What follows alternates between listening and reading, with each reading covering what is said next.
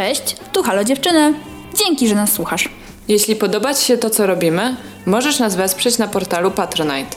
Wejdź na www.patronite.pl ukośnik Halo Dziewczyny i zobacz, co jeszcze robimy. Wpadaj też na nasz Instagram po więcej fajnych treści. Miłego słuchania!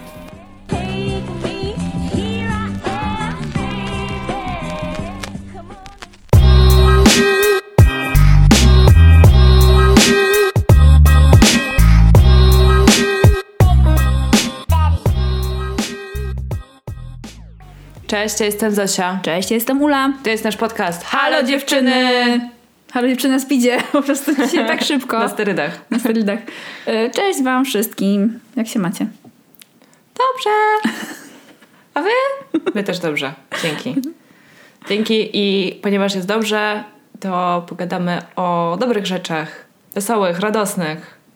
Jak jest dobrze, to może być jeszcze lepiej. Otóż to. I dokładnie o tym pogadamy. Można robić, można robić małe kroki w dobrą stronę. Haha. I o tym jest ten odcinek.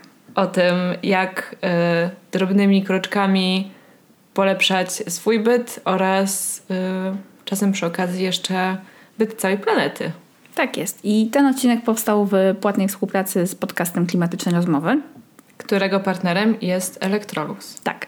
Może kojarzycie, będziemy o tym podcaście generalnie mówić jeszcze później w tym odcinku, ale współprowadzi go Ania Pięta z podcastu Muda Talk, który jak wiecie bardzo, bardzo lubimy, więc warto czekać. Tak. Będziemy powoływać się na konkretny odcinek, który już miał swoją premierę, więc bardzo Wam go polecamy, ale wrócimy do tego później. No i my właśnie też chciałyśmy nagrać o takich drobnych zmianach na nasze lepsze życie.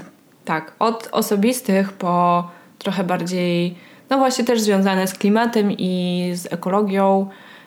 I na pewno kojarzycie, w ogóle to jest całkiem zabawny twist, bo trochę ponad rok temu nagrałyśmy odcinek o niemarnowaniu, nawet jego tytuł brzmi Nie marnuj. I był to odcinek o less i zero waste i o tym, co to jest i jak sobie z tym radzić. I to jest mega zabawne, bo polecałyśmy wtedy podcast Muda Talks jako dobre źródło informacji oraz Kasię Wągrowską, e, która jest gościnią odcinka, o którym będziemy mówiły. I wiecie, jakby i znowu będziemy polecały te osoby, dlatego że są super. Dokładnie, to są treści... Mają dobrą wiedzę. Tak jest, to są treści warte polecenia. Ale zanim o tym, to skupmy się na nas. Skupmy się na nas i też właśnie chciałyśmy powiedzieć, że po pierwsze rzeczy, o których e, będziemy mówić, możliwe, że już kiedyś powiedziałyśmy, ale to, co tutaj mm, znajdziecie, to jest takie kompendium trochę naszych pomysłów, protipów na dobre żyćko. A poza tym też bardzo się starałyśmy, żeby wszystkie nasze mm, właśnie pomysły dotyczyły raczej takich rzeczy, które są niedrogie i które łatwo wprowadzić w życie. Tak, żeby były dla każdego, a nie dla osób bardziej uprzywilejowanych tam finansowo, czy statusowo, czy w jakikolwiek taki sposób. Tak, no i też przez ostatni rok właśnie też się trochę u nas zmieniło, bo nasze życie się trochę zmieniło, więc też część z tych rzeczy jest wypadkową tego. Otóż to. No dobra, to lećmy. Ula idzie pierwsza. Ja zacznę od siebie, bo co się u mnie zmieniło? Jakaś taka drobna zmiana, którą próbuję wprowadzić już od kilku ostatnich tygodni i słuchajcie, no działa, to są dobre poranki. Staram się, żeby mój poranek zaczął się dobrze dla mnie i w ogóle o co z tym chodzi, od czego to wyszło. Ja też jestem już w tym wieku, że wiecie, trzeba zacząć żyć zdrowo. Oprócz tego, że wiecie, spanko, dieta i tak dalej, no to jest jeszcze ruch. I ja zawsze miałam problem z tym ruchem. Przez zeszły rok to był jeszcze większy problem, bo zamknęli mi w ogóle ostatnio baseny i w ogóle wszystkie moje ulubione formy ruchu były poza domem. Mhm. A teraz jak jesteśmy w domu i kisnę w domu, no to chciałabym robić też coś dla siebie dobrze w tym domu. I zauważyłam, że nie wiem, czy też tak macie, jak ja odkładam trening na wieczór, to najczęściej on się po prostu nie wydarza. Więc pozwoliłam sobie przesunąć to na poranek. Mhm. I y, od tego to wyszło. Generalnie tylko też zainspirowała mnie y, Blimsien, bo ona napisała gdzieś tam u siebie o trzech powitaniach słońca i że po prostu rozkłada matę, robi te trzy powitania słońca. Jak wejdzie więcej, to super, a jak nie, to się też z tego powodu nie katuje. I ja przyjęłam dokładnie taką optykę. I dookoła tego obudowałam sobie cały mój poranek. Mhm że po prostu wieczorem wcześniejszego dnia rzucam tomatę na podłogę, bo rano mi się na pewno nie będzie chciało tego robić. Ja w ogóle jak wstaję rano, to jestem trochę, wiecie, z gretkiem. Jest totalnie wszystko jest ble. I y, muszę po prostu maksymalnie ułatwić sobie zrobienie tego wszystkiego, co zamierzam rano zrobić. Więc wszystko jest przygotowane wcześniej. Więc ja mam tak, że wstaję, wkładam soczewki, robię te trzy powitania słońca, gdzieś tam po drodze piję wodę i próbuję się na tym skupić. Idę do łazienki, yy, płuczę usta olejem, co uwielbiam robić. Szczotkuję potem ciało, wchodzę pod prysznic, wypluwam olej, myję zęby i dopiero zaczynam dzień. I to Wow. mi wszystko zajmuje tak naprawdę, słuchajcie, 15 minut. Myślałam, że mi zajmowało godzinę. No a właśnie się tak okazuje, brzmi. A się okazuje, że zajmuje tak naprawdę wszystko 15 minut. Mhm. 16 tak naprawdę. Nie będę was oszukiwać. Ale to szacun, bo y, ja rano jestem tak powolna. Serio. Ja rano to mi zajmuje tak, nie wiem, z pół godziny samo ogarnięcie się w łazience i ubranie. A to jest tylko prysznic i tam co drugi dzień mycie włosów. No to wtedy jeszcze jest suszenie, to już trochę więcej. To już jest więcej, zajmuje. tak. Ja nie myję włosów rano. Wie, więc po prostu ja rano nie mam absolutnie przestrzeni. Miałabym, gdybym wcześniej wstawała, ale nie jestem w stanie tego zrobić. No, ja naprawdę od kilku tygodni testuję to i to nie jest jakiś tam mój idealny poranek, wiecie. Mhm. Tam nie piszę dwóch notesów rano, sennika, morning pages, a później to jeszcze w ogóle nie robię sobie luksusowego śniadania i tak dalej. Chciałabym robić te wszystkie rzeczy, ale wtedy faktycznie musiałabym mieć dwie godziny. Y, Więc przy godzinie, w której staję, ten poranek by się totalnie przeistoczył w przedpołudnie albo w ogóle w popołudnie. Więc skupiłam się na takich trzech najprostszych dla mnie do wdrożenia rzeczach. Też po prostu szukuję sobie wieczór wcześniej leki, żeby od razu później brać te leki przez cały dzień, tak jak muszę. Żeby maksymalnie sobie ułatwić start dnia. Bo ja też nie znoszę zaczynać dnia. Zwłaszcza jak mam coś do zrobienia i tego jest dużo. I to się nawarstwia, bo wiecie, ja coś postponuję albo prokrastynuję, a później jest taka, wiecie, wieża albo góra po prostu wstydu. Tak jak na tych memach. Te rzeczy, których ci się nie chciało robić. Taka fala za tobą Tak. rosnąca. Tak, a ja się boję fal, więc to jest doskonałe. No. Dobra. Doskonała, doskonała analogia. Mm, no i to było w sumie, wiecie, takie wszystkie dobre rzeczy dla mnie. Proste, ale trudne. W sensie proste do zrobienia, ale trudne do utrzymania. Tak, w ogóle jak każde wprowadzanie jakichkolwiek nawyków, Tak. no to po pierwsze trwa, a po, po drugie, jeżeli one nie są odpowiednio utrwalone, to bardzo łatwo z nich wypaść i potem ciężko wrócić. Mimo, że nawet jeżeli one działały na naszą korzyść, są dla nas dobre, nie? Tak. No ale to jest takie właśnie bezkosztowe. W sensie jednym kosztem, jakim w to wkładam, jest moje poświęcenie. To jest całkiem sporo. Ale robię to dla siebie, więc wiecie, Tak. za chwilę mówię, że robię to dla siebie i w ogóle jesteś tego warta. Tak. Dlatego jakoś to działa. Jak mi powiedziałaś o tych trzech powitaniach słońca, to ja próbowałam też to robić, ale średnio mi to idzie. Natomiast ja, po, ponieważ pracuję z domu, a pracuję 9-17, to po prostu czas sobie robię w ciągu dnia. Y, Jak, I tak muszę wstawać od biurka raz na jakiś czas, bo robię się cała sztywna, poza tym, no tak, no po prostu jest niewygodnie tak cały czas siedzieć i niezdrowo. I zdarza mi się to robić w ciągu dnia, ale ja na przykład mam na odwrót. Ja rano z ćwiczeniami to w ogóle ja ilekrotnie, ilekroć bym sobie nie obiecała, że poćwiczę rano, to właściwie nigdy nie wychodziło. Więc y, nawet kiedyś próbowałam na przykład rano przed pracą pójść na siłownię. Bitch please w ogóle. nie, absolutnie nie. I mi jest dużo łatwiej poćwiczyć wieczorem, właśnie od razu, albo od razu po pracy, ale poranki zde- zdecydowanie są zarezerwowane na przewalanie się y, pod kołdrą tak długo, jak tylko to możliwe. Natomiast na pewno dobry poranek jest fajny, bo może rzeczywiście ten dzień w jakiś taki spokojny i normalny sposób rozkręcić. E, Zwłaszcza z jedzenia śniadania. Na przykład dla mnie, ja kiedyś nie jadłam śniadań za bardzo. To prawda. No.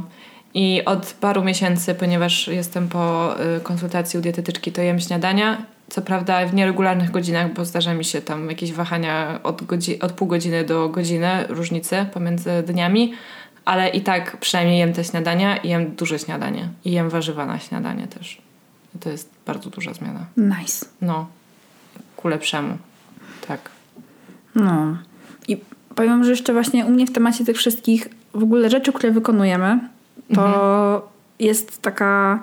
Też już o tym kiedyś gadałyśmy, bo słuchajcie, to są nasze żyćka. To jest wszystko po prostu stoprocentowa prawda. To jest wszystko taka pralnia po prostu nasza, gdzie tam wirują kółko te same rzeczy.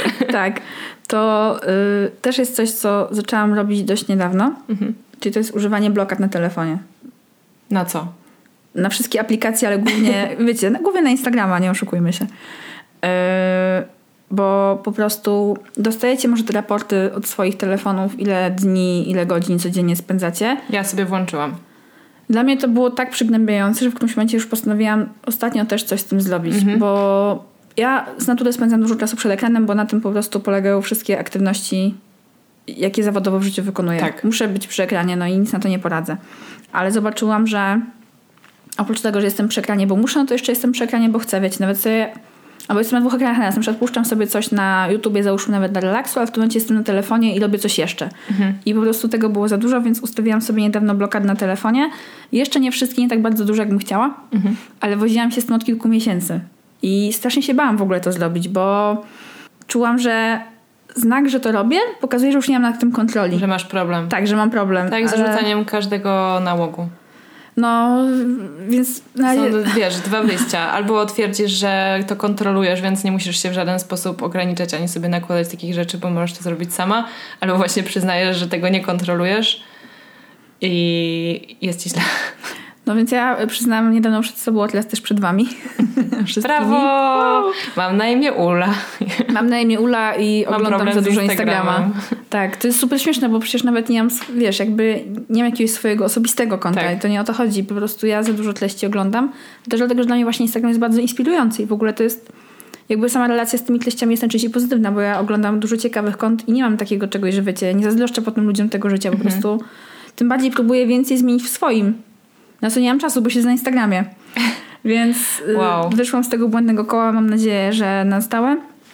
Da wam znać, ale naprawdę i to się po prostu też wiąże z taką uważnością i ze skupieniem, bo zauważyłam, że po prostu mój mózg jest takim, wiecie, rozedrganym chomikiem i on szuka różnych rzeczy, jak robi, nie umie skupić na jednej rzeczy naraz. I to jest moim zdaniem w ogóle taka też smutna, to też jest takie moim zdaniem dość smutne spostrzeżenie, ale faktycznie zakumanie tego, że to nie działa, albo właśnie w jakiś sposób mój mózg, y, dużo po prostu zmieniło. Tak, ja bym bardzo chciała i czasem się kontroluję, a czasem nie. Bardzo bym chciała nie brać do ręki telefonu, kiedy jem. Mhm. A bardzo często to robię, bo jadonko w ciągu dnia pracy to jednocześnie jest taki trochę no, czas na przerwę Tak. i jakby no to, co się robi w przerwie, no to może trochę social mediów dla odmiany. Jakby nie było ich wystarczająco dużo. E, Ale jak się tylko jakby, bo wiecie, często ten telefon biorę tak bezwie- bezwiednie do ręki i jak już się złapię na tym, że oglądam zdjęcia, a powinnam jeść i skupić się na tym jedzeniu, żeby dobrze wszystko przerzuć, a potem dobrze wszystko strawić, przełknąć najpierw, to go odkładam. Natomiast te, ja, jak skończymy, to musisz mi pokazać te aplikacje Dobrze. do blokowania, bo ja bym chciała też sobie zablokować jakieś rzeczy. Ja nie mam problemu z tym, żeby się przyznać do swoich problemów.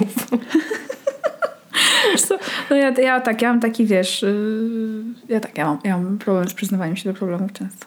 Ale to się zmieni. Jesteś na dobrej drodze. Jestem na dobrej drodze. Ku lepszemu.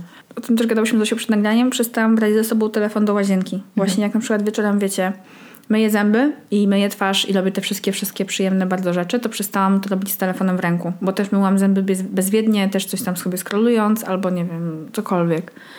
I tak samo do mycia twarzy i to w ogóle się też nie zgrywało z tym, że wiecie, trzeba, zwłaszcza przed snem, ograniczać to światło niebieskie z telefonu. Tak. Więc zaczęłam to robić. Dalej mam problemy ze snem, ale zakładam, że to jest zdrowy mikronawyk po prostu. Ten telefon sobie leży poza łazienką po prostu i, i tyle.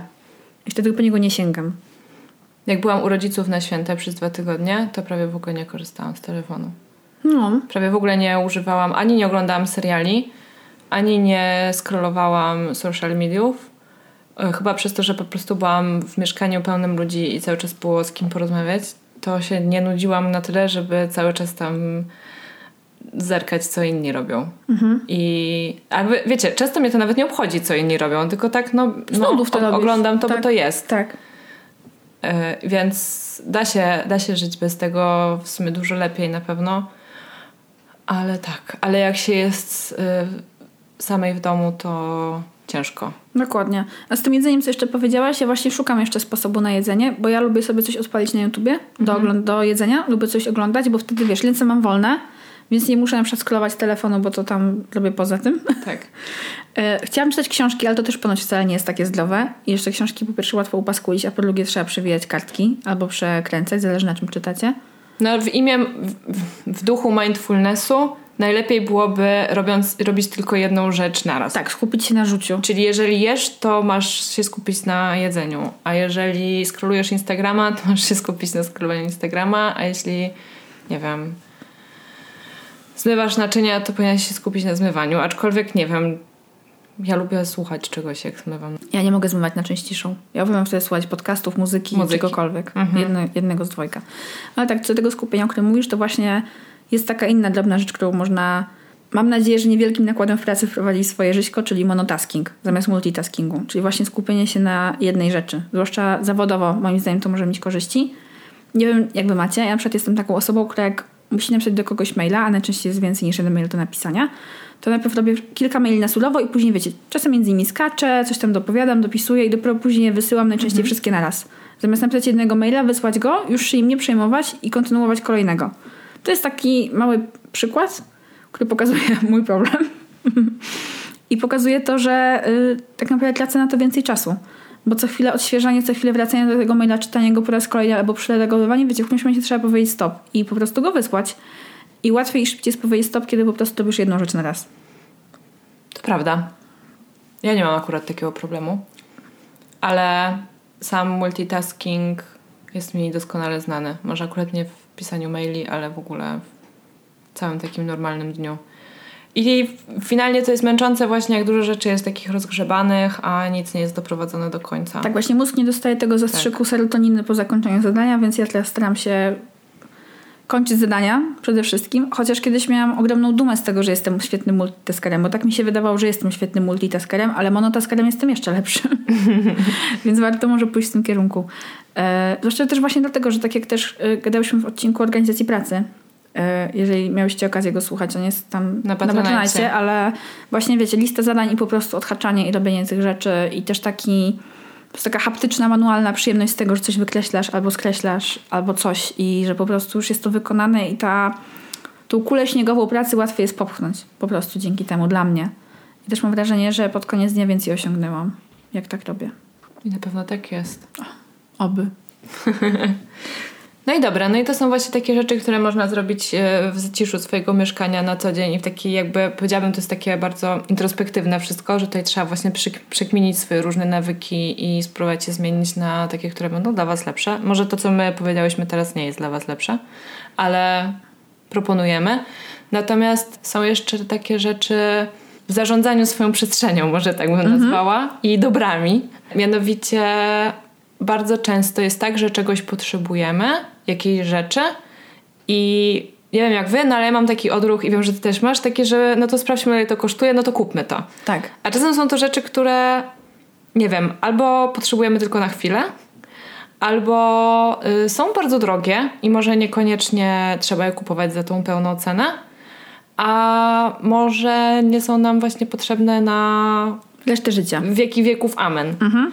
I Tutaj świetnie działa y, pożyczanie sobie rzeczy po prostu, albo oddawanie sobie rzeczy, których już nie używamy, no albo odkupywanie od znajomych na przykład po jakiejś tam niższej cenie. Wiem, że są grupy na Facebooku, które w ten sposób działają. Dla mnie, szczerze mówiąc, to jest przytłaczające są te grupy, bo tam jest też dużo postów i trzeba bardzo szybko reagować, żeby coś zgarnąć. Mhm. Ale na przykład moja przyjaciółka jest w grupie sąsiedzkiej mokotowskiej. Ta grupa nazywa się Paserka i zgarnęła z tej grupy kanapę. Super. Za chyba alkohol. Nie za pieniądze. Wiecie, jakby kanapa versus skrzynka wina. To jest naprawdę wow. Jakby to jest bardzo piękna kanapa. Siedziałam na niej niedawno, jest piękna, duża i wygodna. E, no ale wiadomo, jakby to też jest super fart, żeby coś takiego przydybać. Natomiast wiecie, nawet czasem po prostu pomiędzy znajomymi warto popytać, czy ktoś nie ma czegoś... Yy, akurat tego, co potrzebujecie. Myśmy miały takie sytuacje dwie. Mhm. Ula kiedyś skręciła kostkę. Tak. No i była bardzo nieszczęśliwa z tego powodu. I ja się nie dziwię, bo to nic, przyje- nic przyjemnego. I musiała mieć tam ortezę na stopie i musiała chodzić o kulach. I rozmawiałyśmy o tym. No i jeszcze była nieszczęśliwa, że musi kupić kulę. Ja mówię, zgłupiałaś. Przecież ja mam kulę. Ci pożyczę kulę. Po co będziesz kupować? I co, będą, będziesz je miała potem? Na wypadek, gdybyś znowu skręciła kostkę? Come on. I super, no bo kule to nie jest taka jakaś mega tania rzecz. I też nie jest mega codziennie potrzebna. I nie jest na potrzebna. Szczęście. Tak, na szczęście nie jest. Nie, mamy, jesteśmy w takiej dobrej sytuacji, że nie potrzebujemy ich do codziennego funkcjonowania. Co prawda to nie są moje kule, tylko moich rodziców e, i od dwóch lat stoją u mnie w pokoju. Właśnie chciałam to zapytać. Bo zapomniałam je odwieźć, ale oni też ich nie potrzebują, więc e, jakby nikomu nic się nie dzieje. No. A z kolei, kiedy ja się przeprowadzałam, to yy, tak, już prawie dwa lata temu. Mhm. No, no półtora, półtora roku temu. temu.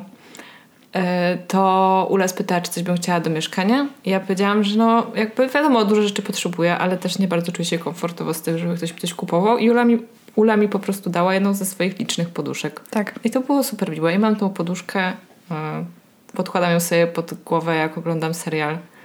I przypomina mi o Uli. I ma ładny kolor. Więc chodzi mi po prostu o to, że nie za wszystkie dobra koniecznie trzeba zapłacić pieniędzmi. Czasem można na przykład komuś wyświadczyć jakąś przysługę i wśród znajomych, nie wiem, właśnie książka za ciasto, w ogóle wymienianie się książkami, przekazywanie książek dalej. Ostatnio widziałam właśnie, yy, że dużo ludzi układa puzzle, ale potem te puzzle na przykład dalej przekazuje. Tak, to jest super. Puzzle za puzzle. Ja nie kumam trochę układania puzli. To też nie jest moja rzecz. Bardzo tego nie lubię robić, ale jest najwyraźniej dużo zwolenniczek i zwolenników takiego sposobu spędzania czasu. No zresztą on jest na pewno bardzo taki spokojny, introwertyczny i dla kogoś, kto lubi przyjemny. Tak, ale to, to jest super akcja. Ale właśnie co do książek, ja od naszej koleżanki pożyczyłam właśnie ostatnio książkę, którą sama chciałam kupić od dłuższego czasu.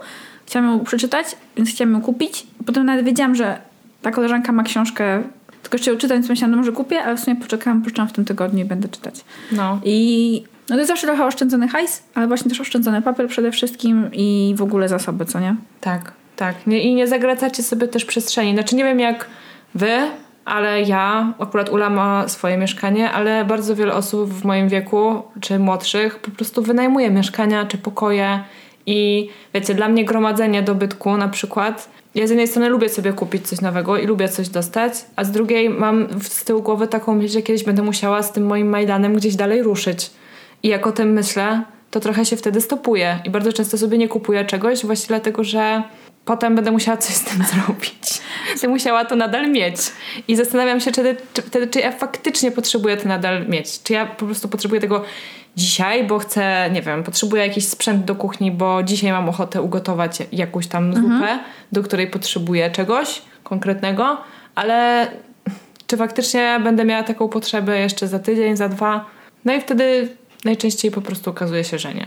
No wiesz, ja też na przykład mam, okej, okay, mieszkam sama i mam swoje mieszkanie, ale ono jest tak małe, że też nie mogę sobie pozwolić na przykład na zbieranie książek mm. albo nawet ładnych rzeczy, czy czegokolwiek tak naprawdę, bo przestrzeń się wyczerpuje, tak lubisz kwiatki. No. Ale tak, odmawianie sobie, albo właśnie zastanowienie się, chwila pauzy i przekmina, po co ja tego potrzebuję. I dlaczego myślisz, że tego potrzebujesz. Tak. I to jest też się mocno wiąże akurat w moim wypadku przynajmniej z Instagramem, Dla bo oglądasz też. tyle ładnych rzeczy. Tak. W dowolnej kategorii, wiecie o co chodzi. To nie muszą być koniecznie, nie wiem, ciuszki czy coś, ale często są. Albo, nie wiem, jakieś gadżety pielęgnacyjne, no cokolwiek, po prostu, wiecie, jakbym jakbym przed sobą nie udawała, ładne rzeczy są ładne mm. i są fajne i ja przynajmniej przez chwilę chcę je mieć. I póki właśnie nie wiedzie taki mechanizm zastopowania, no to wiecie. Tak. No, dużo dziewczyn y, urządza sobie, może nie tylko dziewczyn, ale ja głównie wiem o dziewczynach, które urządzają sobie wymianki ciuchowe. Super. Szafa party tak zwane. Ja nigdy w czymś takim nie uczestniczyłam i też za bardzo nie mam nic do zaoferowania na takich szafa party, dlatego że ja noszę moje ubrania, aż one się rozpadną. I nie mam ich wcale aż tak dużo. I raczej te, które mam, to ich używam.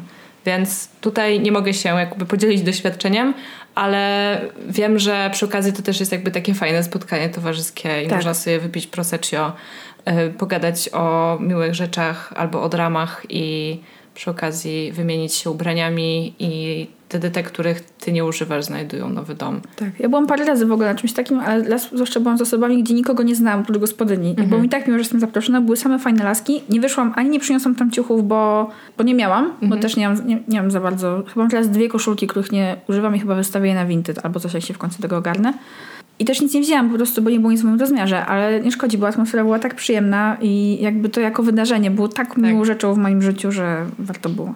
No, ale słuchajcie, jak już kupiłyście te rzeczy i już je macie, albo dostałyście te rzeczy, czy coś, to co zrobić, żeby powstrzymać się przed kupowaniem następnych?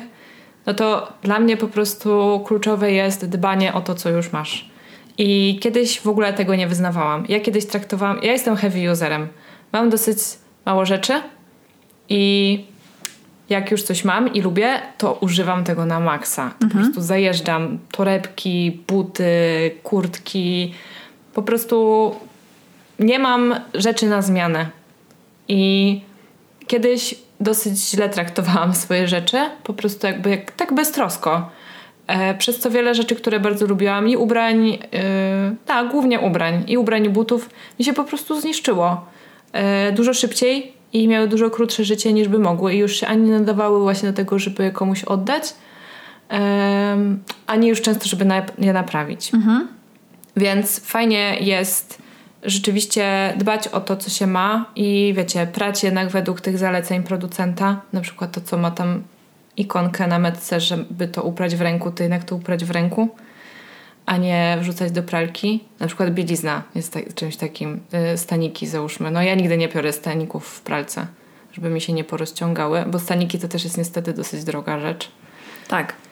To jest w ogóle temat z konserwacją rzeczy, że najczęściej trzeba na nie wydać pieniądze. Tak. I faktycznie ja przynajmniej tak miałam, że z większym szacunkiem traktuję rzeczy, na które wydam po prostu hajs. Mhm. Ale też staram się, bo to tak jak wiecie, no właśnie jak stać się na drogą rzecz, czy tam dobrej jakości rzecz, no nie musi być zawsze jakoś super droga, ale jak jest wyższej jakości niż taka na przykład w wypadku ciuchów sieciówkowy t-shirt, no to jak naprawdę oszczędzasz, bo ta koszulka ci posłuży na dłużej i też możesz potem chcieć ją dobrze brać, bo wydałaś na nią nie 15 zł.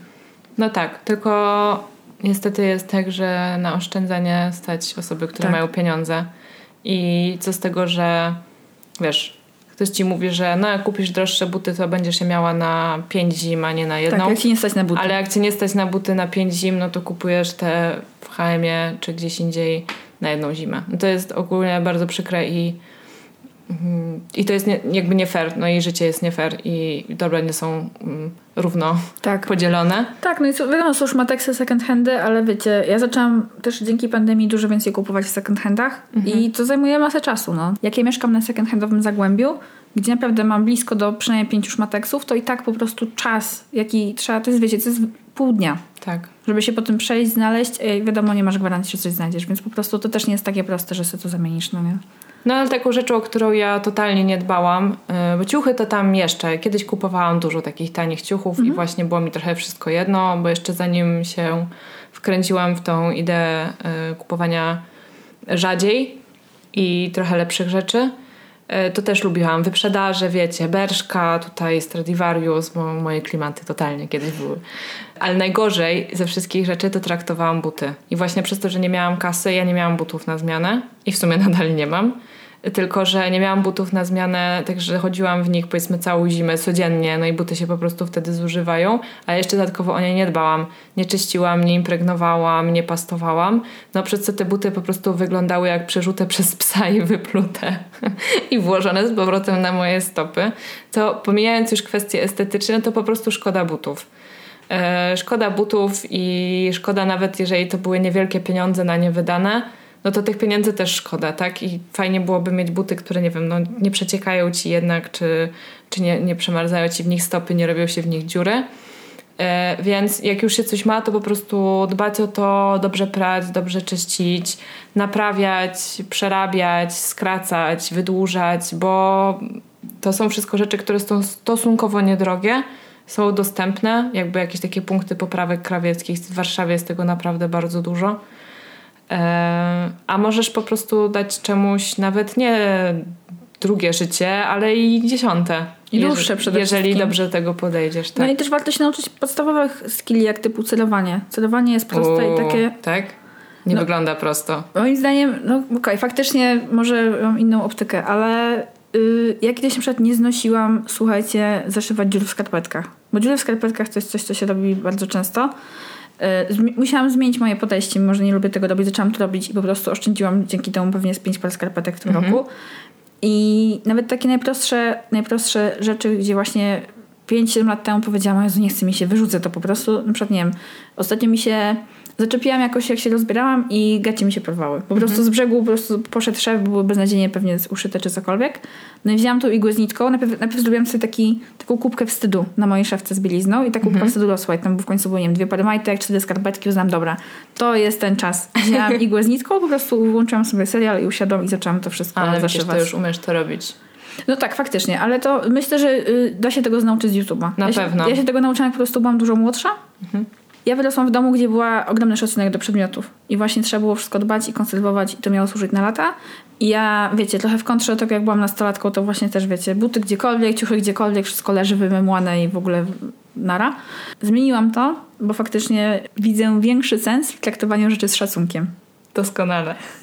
Wiesz, na przykład odkąd mam parę lat temu kupiłam sobie kurtkę zimową wełnianą, to później wydałam ten hajs i kupiłam tą golarkę do tej kurtki rok później, bo już nie mogłam Mhm. znieść tego, jak ona jest zakulkowana, mimo że grzała tak dobrze, tak samo dobrze.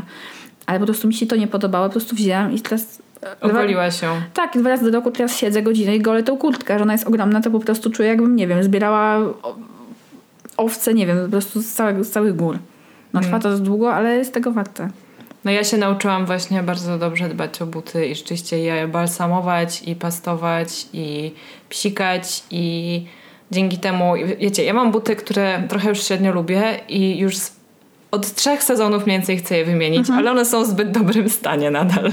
Więc no nie robię tego, tak? No po prostu to są dobre buty. Jeżeli kiedyś będę miała jakąś nadprogramową ilość hajsu, co się prawie nigdy nie zdarza, to sobie po prostu kupię drugie i będę miała na zmianę, ale raczej to stwierdziłam, że w tym sezonie to też się nie wydarzy. No już wiecie, ja już jestem trochę myślą przy tym, że zima już się niedługo kończy. Staram się o tym w ten sposób myśleć, więc już nie warto. Może, może następnym roku. No ale tak, ale to jest, e, to jest super. No i no i nie wiem, no i jakoś e, przyjazne też bardzo dla planety po prostu. Tak, ale to też jest super, bo to jest coraz bardziej takie działanie też jednak w trendzie. Po prostu coraz więcej osób zwraca na to uwagę. Tak, to już nie jest obcechowe mieć naprawione czy Tak. przerobione rzeczy, czy kupione w lumpeksie, tak jak było kiedy, kiedyś to była oznaka tego, że właśnie kogoś nie stać na nowe. Nowe kiedyś było najlepsze. Tak, ja kiedyś miałam z tym problem, że kupowałam wszystkie No. w lumpeksie, bo nie było mnie stać na... Znaczy to nawet miałam stoków, wtedy nawet nie było Zary, nie mówiąc już o beczce. Ale tak, można było jechać do Warszawy kupić sobie drogie ubrania nowe. Yy, tak, jeśli to było obciachowe, teraz, teraz po prostu jest spoko, no i to jest super zmiana moim zdaniem. I... No ale też wiecie, czasami jest tak, że okej, jakby się o te rzeczy nie dbała, no to one w którymś momencie są już do wyrzucenia. I z ciuchami można jeszcze je próbować oddawać takich punktów przyrobienia, to tyle nie, jakby nie, nie, nie z każdą rzeczą tak się da. Różne rzeczy trzeba w różny sposób się z nimi pożegnać. Tak. No, nie wiem jak wy, ale u mnie w domu na przykład jest trend zbierania różnych e, surowców. I czasem jest to fajne, czasem nie, ale na przykład mamy bardzo dużo słoików, które staramy się utylizować ponownie i przesypujemy sobie do nich tam kaszę, jakieś ryże i tak dalej. E, No ale przychodzi też taki moment, że tych słoików jest za dużo. No i słuchajcie, trzeba to wyrzucić. A jak już jesteśmy przy wyrzucaniu śmieci, no to od razu przechodzimy do segregacji śmieci. Bo jakby wiecie, segregacja w Polsce to już jest od dwóch lat obowiązek i każda gmina musi o to dbać, żeby mieszkańcy mieli te kosze do segregacji i jest odpowiedzialna też za edukowanie po prostu e, obywateli, jak te śmieci należy sortować, do jakich wrzucać e, pudełek i tak. No ale to nadal budzi pewne trudności i nic dziwnego, bo segregowanie śmieci wcale nie jest takie łatwe. Tak, i trzeba po prostu poświęcić czas, żeby to zakumać. I też miejsce, żeby mieć kosze albo przynajmniej miejsce do przechowania tych wszystkich pięciu frakcji. Mhm, tak. I myślę, że też trzeba właśnie więcej się w ogóle dowiedzieć o tych śmieciach. Więcej się w ogóle dowiedzieć o tych materiałach, trochę chociaż, e, które. No właśnie, o, któ- któ- które są tymi śmieciami, tymi odpadami. I czy to faktycznie są odpady, czy to jednak są surowce? Bo może jak się pomyśli o nich inaczej niż o śmieciach, to nie będzie od razu takiej myśli, że no to i tak idzie na śmietnik, no to jakby wrzucę wszystko do tych zmieszanych, tak, do jednego wora, no bo przecież to i tak wyląduje wszystko na jednej górze śmieci. Tak, a to nie jest tak, że wszystko zbra jedna śmieciarka. Nie wiem, na ile wy żyjecie blisko swojego śmietnika, ale ja akurat mam, y, moje okna akurat wychodzą na trasę do mojego śmietnika, więc ja słyszę te wszystkie śmieciarki, one faktycznie są różne. Tak. Na, najbardziej słychać szkło o 7.30 rano. Tak. Tak. Jeżeli byście chciały albo chcieli się dowiedzieć więcej o na przykład sortowaniu śmieci, ale nie tylko, bo w ogóle o wszystkich rzeczach, które mogą zwiększyć waszą świadomość ekologiczną, to naprawdę polecamy ten podcast Klimatyczne Rozmowy, który prowadzi Ania, a który sponsoruje Electrolux. I akurat e, odcinek o sortowaniu śmieci jest z wyjątkowymi gościniami, a pierwszą z nich jest Kasia Wągrowska, która prowadzi bloga Ograniczam się. Tak, tak zwana Kasia, ograniczam się. Kasia Ograniczam się, też ją tak nazywam. Ja też nie mogę zamieniać nigdy Wągrowska, ale tak jest. Kasia, ograniczam się, która wydała też książkę Życie Zero Waste i ona jest totalnym Guru. Tak, totalną propagatorką tego pomysłu, ma super tipy i warto się z nią zapoznać. A drugą gościem jest Julia Wizowska, która ma swoją stronę na nowo śmieci oraz też wydała książkę o tytule Nie śmieci. I te dwie panie, właśnie razem z Anią Piętą z Mudy, rozmawiają o sortowaniu, segregacji, o tym w ogóle, jak to wygląda, bo one są takimi pasjonatkami, że wiecie, same chodziły po różnych gminach i sprawdzały, jak Tak. to jest. Zaglądały do koszy na śmieci. Tak, i do tych sortowni, i do tych procesów. I no jest tam nie dość, że jest masa wiedzy, to też jest po prostu masa protipów, bo dziewczyny przez to, że się milion razy pewnie spotykały z niektórymi pytaniami, no to po prostu znają odpowiedź od tak. Tak, z głowy. Dzięki temu, że ten podcast zwiększa świadomość słuchaczy i słuchaczek, też w tym nas, to wiecie, właśnie okej, są odpady, są surowce i też przez to, że ten świat idzie tak bardzo do przodu i wiecie, producenci też zmieniają co chwilę, e, szukają tańszych rozwiązań, niektórzy może bardziej ekologicznych, niektórzy nie, to też trzeba po prostu ciągle się edukować i ciągle być na bieżąco. Tak, dokładnie. Jaka jest najcenniejsza rzecz, jaką wyciągnęłaś z tego odcinka? Mi się bardzo podobały te wszystkie rzeczy związane z wyrzucaniem. W sensie, jak one już na końcu, trochę może spolujemy, ona na końcu robi taki quiz, gdzie idzie co, to ja byłam taka trochę dumna z siebie, bo ja wiedziałam o te Znasz wszystkie rzeczy. odpowiedzi? Ale to jest super, bo często dalej są, wiesz, znam te odpowiedzi tylko dlatego, że kiedyś ich nie znałam i musiałam o tym szukać. Tak. Ja kiedyś musiałam wyrzucić pierwszy raz papierek po maśle, papierek, który on też się śmieje, że to nie jest właśnie papierek, bo to jest folia połączona z czymś, tam jest jeszcze zatłuszczone. No to trzeba takich rzeczy researchować. I to mi się bardzo podobało. Mhm. To, że one tak widać było, że po prostu okej, ta ciężka robota edukacyjna już po prostu ile razy można ją robić, Mhm. ale, ale ciągle trzeba. A tobie? Mnie się najbardziej podobało to, że właśnie y, jakby ta rozmowa świadczy o tym, że trend zero waste wcale nie jest dla bogaczy. I dlaczego? Dlatego, że one zwróciły uwagę na to, że wiele nowych opakowań robionych według jakichś nowych technologii właśnie wcale nie jest przyjazne środowisku, dlatego że technologia nie nadąża za sposobem na ich odzyskiwanie. I jakby co z tego, że one są niby jakieś biodegradowalne, skoro maszyny, które my posiadamy, jakby trochę nie wiedzą, co z tym zrobić. Sobie przede wszystkim ludzie nie wiedzą, co z tym zrobić i właśnie do jakiego kosza to wrzucić. Więc tutaj tak naprawdę wy- wychodzi na to, że najbezpieczniejsze są te stare surowce, które wszyscy znamy, czyli właśnie szkło, karton, ale nawet plastik, tylko nie taki cienki, gówniany za przeproszeniem plastik, ale taki po prostu porządny, gruby, który albo możecie jeszcze raz użyć, albo jakby bez wyrzutów sumienia wrzucić do tego pojemnika na y, plastiki oraz metal. Tak, metal, na przykład puszki aluminiowe. Zresztą Po prostu y, dzięki temu wiem, że idąc na zakupy y, łatwiej mi będzie kupować takie rzeczy, które potem będę, które, których opakowania będę mogła potem ym, z czystym sumieniem zutylizować. Ona jeszcze miała w tym podcaście coś takiego, że chyba Ania zapytała, a dziewczyny, czy chodzicie na zakupy wyposażone po prostu jak na wojnę z tymi Tak. wszystkimi torbami? A ja tak tego są mówię, no ja tylko tak chodzę na zakupy. Ja tak nie chodzę na zakupy akurat. E, cho- chodzę ze swoimi torebkami, ale nie chodzę ze swoimi pudełkami. No, Nie jestem na tym levelu. I dla mnie w ogóle segregowanie śmieci jest trudne.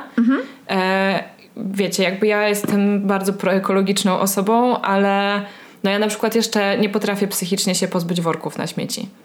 A wiem, że worki na śmieci są bez sensu i służą do, jakby są śmieciem, śmieciem, który służy Kupujesz do... śmieć. Tak, kupuję śmieć, żeby do niego zapakować inne śmieci i po prostu w związku z tym generuję jeszcze więcej śmieci i dojdę do tego, że się ich pozbędę, ale na razie jeszcze bariera we mnie jest dosyć silna i bardzo często jest też tak, że przyznam się, po prostu nie chce mi się tego robić. Rozumiem też ludzi, którzy uważają, że segregacja śmieci jest skomplikowana, bo to nie jest coś jakby z czym się rodzimy i co wiemy Tak. od początku, jak to robić i może nam się to wydawać właśnie czasochłonne. Nie wiem, mam nadzieję, że już nikomu się nie wydaje niepotrzebne. Zresztą też różne gminy mają różne swoje preferencje co do śmieci, tak? Na przykład y, jak ja sprawdzałam, y, chyba to było przy okazji wyrzucenia filtrów po kawie z kawą i w niektórych gminach to jest spoko, ale nie w każdej. Więc Żeby ogóle- wrzucić do bio, tak? Tak, do bio. I w ogóle na przykład śmieci bio to jest zawsze coś, czym miałam największy problem. Tak. Mimo, że no ja nie jem mięsa, więc od razu nie zanieczyszczę tego bioodpadu mięsem i jakby mam tam w miarę koszer sytuację. Ja nie znoszę wyrzucać śmieci bio, bo są po prostu obślizgłe. Mhm. A dziewczyny w odcinku podcastu mówią o swoich gąsienicach i o swoich kompostownikach. Tak. Ja bym bardzo chciała mieć kompostownik, ale uważam, że to jest właśnie coś, do czego jeszcze nie dorosłam, żeby mieć gąsienicę w domu. Nawet Dżdżownicę. Dżdżownicę w domu, tak, przepraszam. Bo, no bo po prostu jakoś jeszcze nie. Ale bardzo mi to imponuje i bardzo podziwiam je, że robią to, co robią i właśnie edukują i propagują taki styl życia. I w ogóle szacun za tego typu content i w ogóle odpowiedzialność. Yy, Tutaj trochę powiem, że bardzo lubię, kiedy marki są odpowiedzialne, jakby biorą na siebie odpowiedzialność za edukowanie społeczeństwa, tudzież wprowadzanie w ogóle zmian u siebie. Więc Club Club Electrolux zapartnerowanie takiemu świetnemu podcastowi ze znamienitymi gośćmi i gościniami. Polecamy Wam to naprawdę, sprawdźcie, bo myślę, że dużo się można z tego nauczyć. Tak, i zostawiamy Wam link oczywiście w opisie, żebyście mogły łatwo po zakończeniu tego odcinka przesłuchać sobie tamten. Dokładnie. Idąc właśnie w taką stronę less waste, właśnie takiego bardziej zdrowego i świadomego stylu życia, to jest też coś, o czym my już rozmawiałyśmy w odcinku na ten temat poświęconym, czyli o ograniczeniu mięsa i w ogóle o takim powolnym przechodzeniu na dietę roślinną. Tak. Muszę powiedzieć, że ja od niedawna w miarę jestem na. Nie jestem na diecie w pełni roślinnej, bo zdarza mi się zjeść nabiał, chociaż już bardzo rzadko.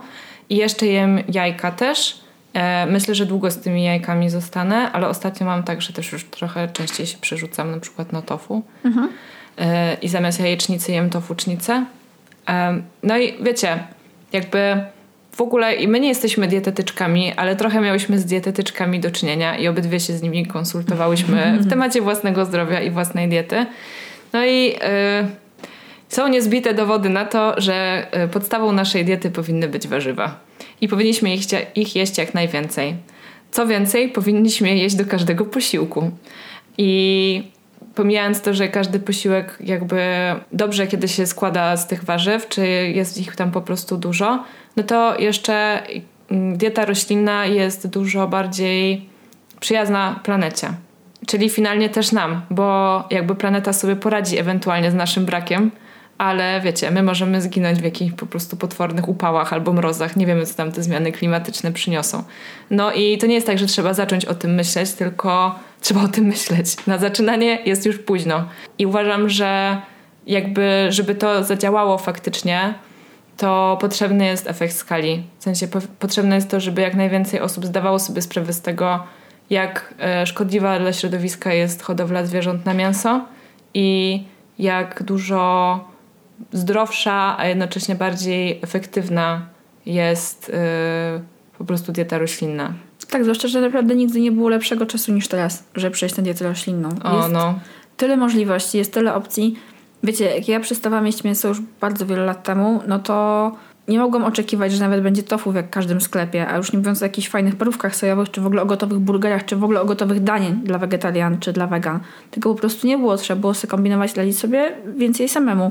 Jestem zachwycona tym, że jest, coraz, jest to takie rzeczy jak na przykład vegan, Veganuary, który się właśnie skończył. Tak. E, który zachęca do przechodzenia diety roślinną albo przynajmniej do ograniczenia mięsa i do próby, próby analizy i zmiany swoich nawyków żywieniowych. Dokładnie. Ja też od tego zaczynałam, jak zaczynałam od wyzwania z Vivo właśnie z 30 dni bez mięsa, no i tak mi wysyłali te maile, patrzyłam na te przepisy, trochę robiłam, trochę nie i jakoś to wyszło. Mm, naprawdę jest tyle rzeczy w sklepach, jest tyle knajp po prostu, które dają roślinne opcje, tyle praktycznie w każdej restauracji jest roślinna opcja, w dużych miastach oczywiście. I nie było lepszego czasu niż ten, żeby ograniczać mięso w swojej diecie. Wiadomo, jest wszystko. Są blogi, yy, są, jest tyle właśnie dostępnych przepisów w internecie, ale też to właśnie, że są te zamienniki. I nawet jeżeli lubisz smak mięsa po prostu i boisz się, że będzie ci tego brakowało, wiadomo, te roślinne substytuty mięsa, no nie smakują dokładnie tak jak mięso, ale ja już się nauczyłam i właśnie dla mnie to było totalne zdumienie, że ja nie szukam smaku mięsa, bo ja przecież mięsa nie jadłam nigdy surowego, tylko zawsze jakoś doprawione. I że jeżeli przyrządzisz jedzenie, przy, przyprawisz je w odpowiedni sposób, dla mnie na przykład totalnie jakby eksplodował mi mózg, kiedy zrobiłam kotlety mielone z kalafiora. Mm. I tam jest jedna bardzo ważna przyprawa. Biały pieprz? Pieprz ziołowy. Pieprz ziołowy. Pieprz ziołowy to jest zapach kotletów mielonych mojej babci. I ja wsypałam ten pieprz ziołowy do tej masy na kotlety i po prostu miałam takie miałam taki flashback, wiecie, do, do dzieciństwa i byciu przy stole w kuchni i krojeniu sobie tego kotlecika mielonego. Bardzo lubiłam kotlety mielone mojej babci. I okazuje się, że w dużej mierze to jest właśnie kwestia doprawienia jedzenia i odpowiedniego jego przyrządzenia, a nie wcale koniecznie tego mięsa. Tak, zresztą na przykład ja uwielbiam kupować, yy, wiecie, fake meata po prostu. Tak. Y, jeden raz sieć spożywcza ma taką dość tanią wersję dostępną, która uważam, że naprawdę może przekonać wiele osób do takiej próby. Jak ja robię mm -hmm. wegańskie bolognese, no to ono jest nie do odróżnienia od tego mięsnego, bo to mięso tak. po prostu ma tam fakturę i ta sojuwa, czy cokolwiek to jest, po prostu tą fakturę udaje, a reszta to są przyprawy, to jest koncentrat pomidorowy albo Tak. pomidory, sól, pieprz, bazylia, cokolwiek tam Oregano. robicie. Dokładnie i w ogóle no to jest bezstratna sprawa, okej? No stejka jeszcze nie ma krwawiącego, ale słuchajcie, y, myślę, że za mojego życia zjem krwa, krwistego stejka, który będzie po prostu roślinny. Mm. W tą stronę to zmierza i warto skoczyć na ten pociąg jak najwcześniej. Tak, szczególnie, że tak jak właśnie powiedziałaś, teraz to jest łatwe, więc y, zapraszamy, jedziemy my już tym pociągiem, wpadajcie. Wiecie, to też chodzi o to, że nie musicie rezygnować tak totalnie z jedzenia mięsa. Czasem, nie wiem, może na przykład lekarz wam zakazuje. Nie wtrącamy się do takich rzeczy, każdy robi to, co potrzebuje, ale faktem jest, że e, chodzi o przesunięcie tej ilości mięsa w diecie na ostatnie miejsce, a zrobienie na podium miejsca dla warzyw na, na tym najwyższym stopieńku. Tak jest, warzywa i strączki forever. To totalnie Bób, tak. humus, włoszczyzna. No ale skoro już się tak dobrze odżywiamy, to trzeba pamiętać, żeby jeszcze się nawadniać. Słuchajcie, to jest mega, mega ważne i to naprawdę dobrze y, wpłynie na wszystko, co robicie. No wasze samopoczucie przede wszystkim, naprawdę. Jak pijesz wodę, to jesteś w lepszym Jesteś humorze. Bogiem. Tak, nie wiem jakie boskie moce dostaję dzięki temu, że piję po prostu 2 litry wody dziennie. Ja też wiem, że też mi łatwo jest mówić, bo ja, ja nie mam problemu z piciem wody, w sensie nie mam problemu ze smakiem lub z brakiem smaku. Nie muszę sobie tej wody dosmaczniać, po prostu wypracowałam sobie taki nawyk dawno temu i jakoś to działa. A teraz jest zima, to w ogóle jest lepiej, można jeszcze pić herbatki ziołowe, herbatki nieziołowe. Ja lubię pić kawę, więc w ogóle tych ciepłych płynów się namnaża i namnaża, ale nie wiem jak wy macie. Ja od razu jak mam taki dzień, że jestem przed zabiegana i nie piję wody, bo najłatwiej jest mi pić wodę, jak jednak jestem w domu stacjonarnie, to od razu, od razu się gorzej czuję. Po prostu od razu jestem wkurzona trochę bardziej, albo właśnie jestem taka sucha. Jak jeszcze jest ogrzewanie, jak teraz w zimie, to jestem w ogóle wyrkiem kokosowym, no. No Ja też jestem wiórkiem.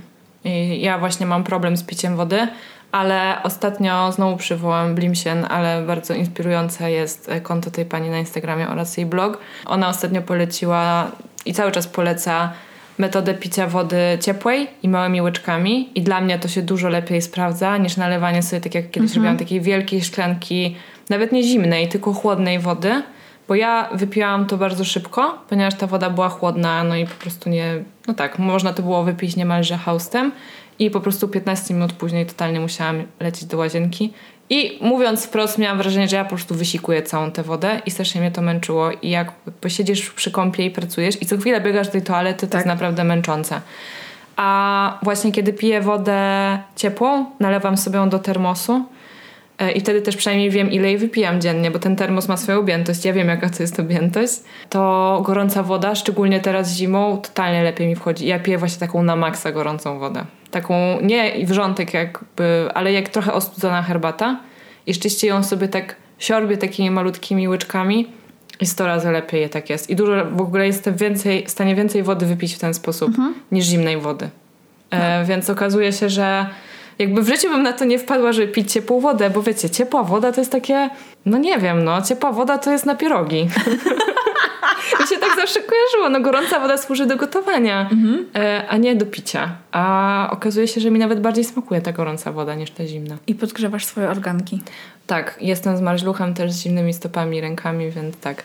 No, ale yy, wiecie, no jak się jest na mieście, no to nie wszędzie jest czajnik z gorącą wodą, więc termos, termos to nie jest duża inwestycja. Ja swój kupiłam chyba za 20 zł. Może nie jest to najpiękniejszy, najbardziej e, błyszczący, fancy termos z jakiegoś super zero waste sklepu, ale słuchajcie, działa.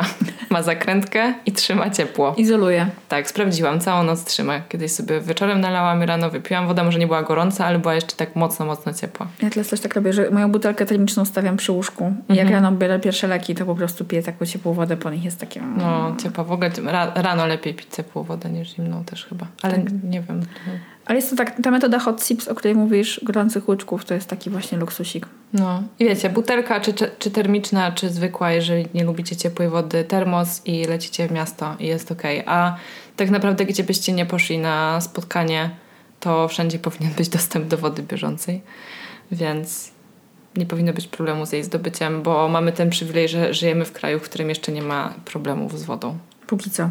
No jak już jedziemy na te spotkania z wodą czy nie, lepiej z wodą, to też jest coś, co wiecie, już pewnie słyszałyście. Ja polecam też dlatego, że po prostu zaczęłam w zeszłym roku dużo z tego korzystać, czyli rower. Ula jest neofitką rowerową, ale ja powiem wam, że też, mimo że mam rower trochę dłużej, to teraz więcej go używałam w tym roku. No ja w tym roku używałam go namiętnie i cały czas po prostu dlatego, że pod koniec 19 roku sobie go kupiłam w końcu, Mhm. bo, bo po prostu miałam taką możliwość i taką chęć i sobie kupiłam bardzo fajny rower i po prostu, widzicie, to jest jednak ta sroka estetyka we mnie. Jak mam ładny rower, to chce mi się z niego korzystać.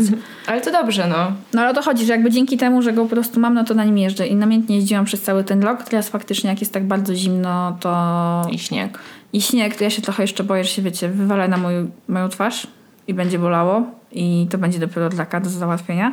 Ale póki nie było śniegu, to jeździłam regularnie i nawet po jakieś sprawunki, albo właśnie po te wszystkie moje zakupy z, tą, z całą armią siat i pudełek. Mm, No i rower jest super. Zwłaszcza, że naprawdę y, miasta, po których jeżdżę rowerem, czyli Warszawa i też trochę Białystok, one naprawdę zmieniają swoją infrastrukturę rowerową, jest dużo, dużo łatwiej. No w Warszawie to, co się porobiło w tym roku ze ścieżkami rowerowymi i w przyszłym, w przyszłym będzie taki sztos, bo będą po prostu w końcu ścieżki przy lądzie ONZ, przy dworcu centralnym skończone. Wow. Przy dworcu centralnym jest przejście dla pieszych tak, naziemne. To było tak doskonałe. Ja I po prostu ma- marzyłam o ścieżka. tym, odkąd tu mieszkałam. I w końcu, w końcu to jest. Doczekałyśmy się. Tak. Ja myślałam, że to wi- więcej czasu zajmie. Ale tak, totalnie jestem też po stronie rowerowej. Ja co prawda zimno i rower nie, ale y, wiecie, ja się nie muszę jakoś bardzo dużo po mieście przemieszczać. Zwłaszcza te tam jesienne miesiące, jak był kolejny, nie wiem już który w sumie to był lockdown, to starałam się jak najbardziej jednak siedzieć w domu i izolować i za dużo się nie przemieszczałam, a że cały czas jestem na home office do odwołania nie wiadomo do kiedy, no to jak już musiałam gdzieś się wybrać, to raczej wybierałam komunikację miejską, która też jakby ludzie się jej boją, a nie ma już tłumów w komunikacji. Obawiam się, że ze względu na pandemię ludzie się przesiedli do aut albo na tak. rowery, bo jakby latem było widać, że było wiosną, latem, że było więcej rowerów, zdecydowanie i w ogóle warsztaty rowerowe czy sklepy rowerowe raportowały, że mają po prostu boom i ludzie na, na potęgę kupują i naprawiają rowery, e, bo to jest bardzo bezpieczny w sytuacji pandemicznej środek transportu po prostu. Ale teraz jest zima, tych rowerów jest już trochę mniej, natomiast ludzi w komunikacji miejskiej nadal jest mało. Także ja jeżdżę na krótkie dystanse, na ogół 20 minut to jest maks, jak spędzam w tramwaju czy w autobusie, także nie boję się i też wybieram komunikację, a nie auto. Po pierwsze dlatego, że nie mam auta. Po drugie mogłabym wypożyczyć, bo nawet lubię jeździć autem, ale zawsze jak myślę o tym, że mam sama jechać samochodem, to jest mi tak wstyd, że odstępuję od tego pomysłu natychmiast. No, że po mieście, nie? No po mieście w ogóle bez sensu. No. Tak, a jak nie macie roweru samochodu, to zawsze zostają własne nóżki, jeśli Mhm. macie taką opcję. Zwłaszcza, że spacerowanie jest po prostu super zdrowe i łożenie jest bardzo zdrowe. No, Ja to lubię chodzić nóżkami. Ale wiadomo, że jak macie dużo do załatwienia, wiecie, to jeszcze jakieś prace, czy jakieś dzieci, czy coś, no to to trochę pewnie jest trudniej. Tak, aczkolwiek y, nawet przejście dwóch przystanków autobusowych na przykład, nie? I później wejść do autobusu. Chociażby takie małe. Znaczy, bo to nie chodzi o to, żeby od razu iść przez całe miasto na piechotę. Wiecie, jak mieszkacie na Bemowie, a pracę macie w Wilanowie, no to wiadomo, że nie pójdziecie pieszo i że rowerem też będzie ciężko. To jest do zrobienia, ale to też jest ciężkie, bo trzeba mieć tylko warunki, żeby tam, nie wiem, w biurze się przebrać, umyć, cokolwiek. Ale chodzi o to, żeby nawet taką, nie wiem, może troszeczkę okrężną drogą do tego domu wrócić. Albo właśnie te dwa przystanki sobie przespacerować i to już jest dużo. Dla zdrówka. No. No. Mamy No jeszcze jedną rzecz. Mamy jedną rzecz, która jest bardzo ważna. Mianowicie chodzi, już tak patrząc zupełnie globalnie, o zadziałanie w tych miejscach, gdzie nie możemy tego zrobić już bezpośrednio. To znaczy, to nie są takie rzeczy, które my możemy zrobić z poziomu domu, ale jednak okazuje się, że możemy. Chodzi mianowicie o pomoc ludziom, którzy jej potrzebują, albo zwierzętom, którzy, której potrzebują, przez wpłacanie pieniędzy na różne organizacje pozarządowe, stowarzyszenia, zbiórki, którym ufacie. Po prostu dlatego, że bardzo często ludzie sobie zadają pytanie, widząc ile nieszczęścia jest na świecie i co ja mogę z tym zrobić. I czują się bezsilni, bo wiadomo, że nie wszyscy możemy rzucić to, co robimy tutaj i jechać gdzieś do Afryki czy do jakichś obozów dla uchodźców. E, niektórzy boją się pomagać po prostu tak e, osobiście. Ja na przykład tak mam, że ja się boję zetknąć z jakimś strasznym nieszczęściem, czy tragedią, czy biedą. Nie wiem, nie jestem na to przygotowana psychicznie. E, byłam wolontariuszką w Stowarzyszeniu Pomocy Królikom i tam się zajmowałam zwierzątkami na takim poziomie bardzo... Znaczy już pewnym momencie robiłam zastrzyki i podawałam leki, ale w sensie, że to były takie rzeczy, które mm, powiedzmy nie wstrząsały mną aż tak e, jak ludzka niedola. Mhm. E, I ja to totalnie rozumiem, że możemy nie wiedzieć, jak się za to zabrać. I powiem Wam, że to, czego potrzebują wszystkie te organizacje najbardziej, żeby móc funkcjonować, to są pieniądze.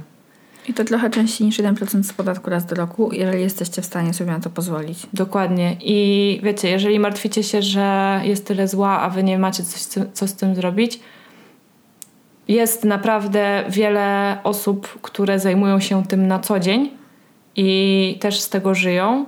I żeby one mogły z tego żyć i żeby mogły się tym profesjonalnie, ekspercko rzeczywiście zajmować, nie posiłkując się tylko i wyłącznie wolontariuszami, których praca jest bardzo ważna, ale wolontariusz no jakby też więcej niż ileś tam czasu w ciągu dnia nie powinien pracować i też właśnie najczęściej tej eksperckiej wiedzy nie posiada, to po prostu zapłaćcie tym ludziom. Może też na pewno, słuchajcie, znajdziecie takie sprawy bliskie waszemu sercu. Tak? Czy to są jakieś rzeczy związane przykład z tematami równościowymi, socjalnymi, społecznymi. I tak, to jest smutne, że żyjemy w państwie, które musimy dofinansowywać w taki sposób, ale tak to wygląda sytuacja. Dokładnie Więc tak. możemy realnie nawet, wiecie, tymi trzema dyszkami coś zmienić. No i tutaj też właśnie super jest to, że możecie naprawdę dobrze to, wiecie... Mm, zrobić dobry research, sprawdzić i a może już macie taką organizację, którą nie wiem, obserwujecie na Facebooku czy na Instagramie, albo czytacie o niej dużo i widzicie ile robi dobrego, to nawet jeżeli będziecie im wysyłać 10 zł, czyli tą przysłowiową kawę yy, miesięcznie, to wiecie, 100 takich osób to jest już 1000 zł miesięcznie. I tak dalej, i tak dalej. I warto. Nawet jeśli wydaje wam się, że to są takie małe pieniądze, że nikomu nie pomogą, to nie jest prawda. To jest tak samo jak z głosowaniem.